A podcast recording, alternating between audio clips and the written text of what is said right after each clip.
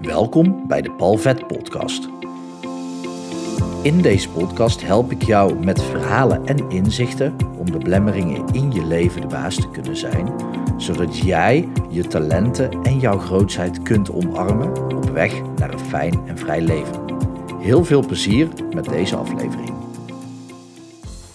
Ik loop hier door de beeldentuin, althans zo noem ik hem altijd. Ja, wel interessant, want ik heb dus geen idee hoe dit precies heet hier. Uh, maar als ik, ik, ik heb net op mijn iPhone geklikt op opnemen en dan geeft hij de locatie weer. En hij geeft de locatie de Zevenster weer. Nog nooit van gehoord. Maar waar ik loop is een bedevaartsoord, bestaat al ruim 140 jaar. En is dus met name gericht op het christendom. Uh, nu moet ik eerlijk zeggen dat ik wel christelijk ben opgevoed, maar daar niet praktiserend in ben. En ik thuis wel de Koran en boeken over het boeddhisme heb liggen, maar niet de Bijbel. Dus daar, dat is niet de reden dat ik hier loop. Maar ik vind deze tuin, het is eigenlijk te groot om een tuin te kunnen noemen, het is meer een park. Ja, altijd heel, heel, heel fijn om even te wandelen. Het is echt rustgevend, inspirerend en geeft mij altijd een, een gevoel van tijdloosheid. Alsof er even niks is. De energie is hier heel prettig. Maar goed, ook wel, het triggert me op bepaalde dingen. En ik liep net langs een beeld van Jezus die aan het kruis hing. Dan weet ik helemaal niet of dat hij dan op zo'n beeld of dat hij daar dan al uh, overleden is of niet. Um, maar het deed me denken aan Passion of the Christ. En heel veel mensen hebben moeite of zijn zelfs bezig met een zoektocht naar hun passie. En dat vind ik vaak een interessant iets, want ik heb ook heel lang gedacht dat passie iets is wat je opeens vindt. En dat is eigenlijk gedeeltelijk waar. Ja, opeens heb je door, dit is mijn passie. Maar het is vaak dus niet zo dat op het moment als jij iets gaat doen, dat je er meteen gepassioneerd over bent. Ik zie het een beetje hetzelfde als verliefd worden. Of meer houden van. Maar goed, laten we het even verliefd worden noemen. Dus op het moment dat jij voor het eerst op date gaat, dan kan het zijn dat liefde op eerste gezicht is. Maar heel vaak is dat niet zo. Heel vaak dan duurt het even. Dan duurt het even um, voordat er iets van gevoel bij komt. Vaak is een eerste date gewoon leuk of heel fijn. Of misschien heb je wel iets van kriebels, maar het betekent nog niet heel veel. En Simon Sinek die zei het heel mooi. Die zegt ja, ik was vorige week op date met iemand en nu gaan we trouwen. En heel de zaal begon te lachen. Hij zegt, hé, hey, dat is mijn privéleven. Wat is daar mis mee? En toen zei hij, maar goed, ik snap het. Maar als ik tegen jullie zeg, ja, ik woon al zeven jaar samen, ik ben al zeven jaar samen. En iemand vraagt, zijn jullie al getrouwd? En ik zeg nee, dan zeggen ze, wat is er mis? Dus wat hij zegt is, ja, dat stukje houden van, dat duurt langer dan zeven dagen en korter dan zeven jaar. Maar hoe lang het precies duurt, dat, dat is onbekend. Dat is onbekend. En dat is dus met houden van. Op een gegeven moment word je wakker en denk je, ja, dit is het. Dit is degene van wie ik hou. Dit is degene met wie ik wil trouwen. Als je wilt trouwen, hè? dat hoeft natuurlijk niet. Maar dat, ik word soms afgeleid door mooie teksten die hier staan. En nu stond er gewoon, wil je een kaarsje branden, uh, betaal daar. Ja, er moet natuurlijk ook wel geld binnenkomen om deze tuin, dit park te onderhouden. Wat echt goed gedaan wordt hoor. En soms brand ik ook wel een kaarsje. Ik vind dat wel leuk om te doen. Maar je weet dus, houden van, opeens word je wakker. Dus opeens hou je van iemand. Vaak is dat dan een gedoe, hè? want de een is daar eerder mee dan de ander. Dus ja, als je dat zegt, ga je dan zeggen uh, dankjewel, ik ook van jou. Of ga je alleen maar dankjewel zeggen. En dan kom je een beetje bij de scène van Friends uit. En in legio andere series zal dat ook het geval zijn. Het is wel interessant, want het is echt, echt een drukke bedoeling hier buiten het hek. Maar hier is echt gewoon helemaal niemand. Zo fijn om hier gewoon alleen te kunnen wandelen.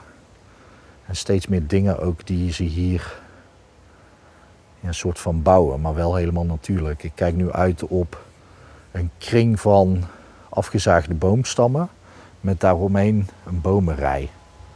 Interessant wat ze daar dan van gaan maken. En daarnaast is een labyrint. Volgens mij heb ik daar wel eens over verteld in een podcastaflevering. Het Franciscaanse labyrint. Heel interessant. Aan deze kant van het park hoor je helaas wel de auto's voorbij rijden. Maar goed, opeens word je wakker en daar hou je van iemand. En dat is met passie ook. Op het moment dat je met iets aan de slag gaat, dan kan je wel enthousiast zijn of je kan het wel leuk vinden. Maar je houdt er nog niet van. Je bent nog niet bereid om ervoor te lijden. Hoe ontstaat dat? Nou, door er tijd en energie en moeite in te steken. En pas op het moment dat jij bereid bent om dat te gaan doen voor dingen waarvan je niet zeker weet of dat dat uiteindelijk je passie gaat zijn, dan vind je je passie. Dan word je op een dag wakker en denk je, ja, ik ben verliefd, ik hou van mijn passie. Maar dat is dus niet ontstaan vanaf het moment dat je ermee begon. Toen ik met hypnotherapie begon, was ik er wel enthousiast over. Meteen mee aan de slag gegaan. En het gaf me wel wat kriebels. Maar het was nog niet mijn passie. Nu wel. En wat, wat vaak een goede manier is om te bedenken van is het mijn passie of niet. Wat gebeurt er als iemand iets van je afpakt?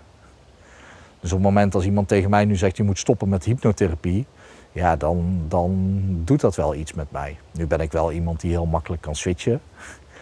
Maar als je echt ergens voor geleden en gestreden hebt, dan ben je er ook gepassioneerd over. Want dan heeft je bloed, zweet en tranen gekost. En als het jouw bloed, zweet en tranen kost, dan ontstaat er passie in jezelf. En je moet dus bereid zijn om, zodra je begint met iets, om daar langere tijd mee door te gaan. En het probleem is vaak dat mensen na een maand iets proberen mee stoppen. Of na twee maanden. Of na drie maanden. Art Williams die zegt zelfs ja, bijna iedereen die kan drie jaar enthousiast blijven.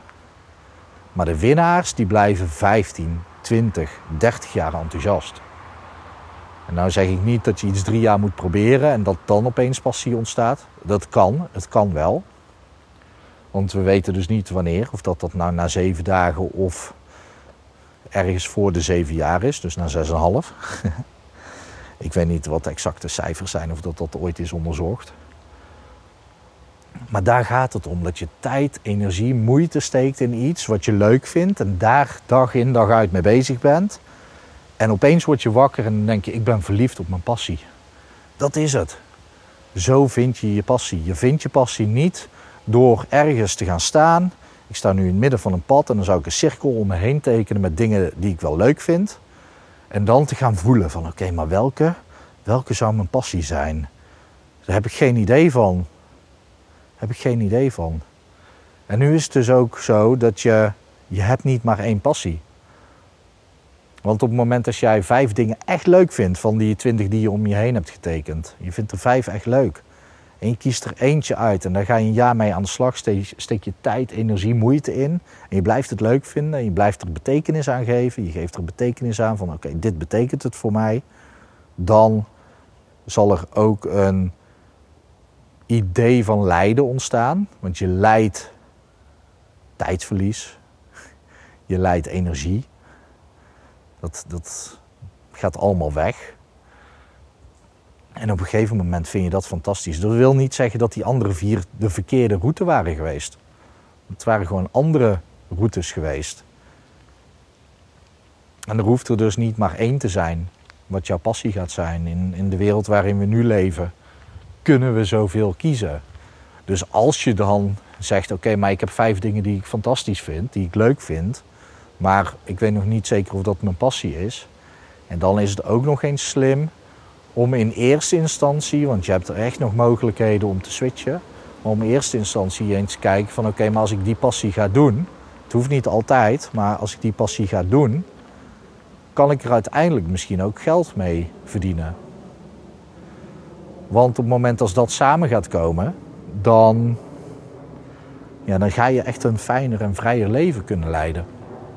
Omdat dan op zo'n moment passie en waarschijnlijk ook talent samen gaan komen. En dan gaat je dat wat geld opleveren. En dat betekent dat je minder hoeft te doen van de dingen die je minder leuk vindt. En meer kan gaan doen van de dingen die je wel leuk vindt. Afhankelijk van je situatie. Hè? Want ik ben voorstander van zoek gewoon altijd iets om voldoende inkomsten te genereren op een manier die fijn is voor je, die je energie oplevert. En daarbij kan het ook nodig zijn om te gaan kijken naar oké, maar wat, wat heb ik in mijn leven nou echt nodig? Wat is er nou in mijn leven wat ik echt nodig heb? En dan kom je bij de podcast die ik heb geschrapt uit. Het leven is net als IKEA. Je komt voor het een en je gaat weg met het ander. Wat is er nou echt belangrijk in je leven? Een paar fijne mensen om je heen. Liefde. Beetje zekerheid dat je kan eten en dat je een dak boven je hoofd hebt. Iets leuks om te doen. Van betekenis kunnen zijn voor een ander. Een beetje groeien, geven, goed doen voor een ander. En dan ben je er al wel. Klein beetje onzekerheid, beetje spanning, beetje avontuur. er zit hier een, en ik weet niet wat het is. Zo'n vogel die een beetje tussen een gans, een eend en een kalkoen zit. Ik weet niet hoe een kalkoen eruit ziet. Misschien zijn het wel kalkoenen met zo'n rode neus. Maar goed, die, eh, die zit hier lekker te kwispelen. Dus iets in je leven om van te gaan kwispelen. En heel veel meer heb je niet nodig. En als je dan dus geld kunt verdienen met hetgene waar je gepassioneerd over bent geraakt, dan, dan kan je ook nog eens gaan kijken: oké, maar is dit nou mijn ultieme passie? Of is er misschien een tweede iets waar je ook gewoon tijd en energie in kunt gaan steken?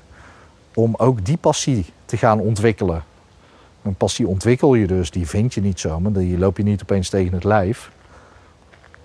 Die ontwikkel je. En als je dat hebt, dus je hebt al iets leuks waar je geld mee verdient, waar je dus gewoon een fijn leven mee door kan leven, en je vindt dan iets anders leuk waar je ook een passie voor wil ontwikkelen, dan hoef je daar niet per se geld mee te verdienen, natuurlijk. Want ja, dat is al geregeld voor je. Dus dan kan je ook gewoon zeggen, hé, hey, ga lekker uh, schilderen of piano leren spelen, leren zingen. Wat ook gewoon een passie kan zijn. Of vrijwilligerswerk doen, mensen helpen. Kan natuurlijk van alles verzinnen. Maar dat is hoe passie ontstaat. Passie is eigenlijk een ontdekking. Dus het zit er al. Alleen je moet de tijd, aandacht, liefde, energie geven en opeens komt het tot bloei. En dat is iets wat heel veel mensen vergeten, dat het op zo'n manier werkt. En die hopen dan dat ze ochtends een keertje wakker worden en denken: dit is het, dit is mijn passie. Maar zo werkt het niet. Nou, ik ga nog even een stukje verder wandelen. Ik hoop dat het goed met je gaat. Ik hoop dat het goed gaat met dierbaren van je. En ik wens je natuurlijk ook een hele mooie dag toe.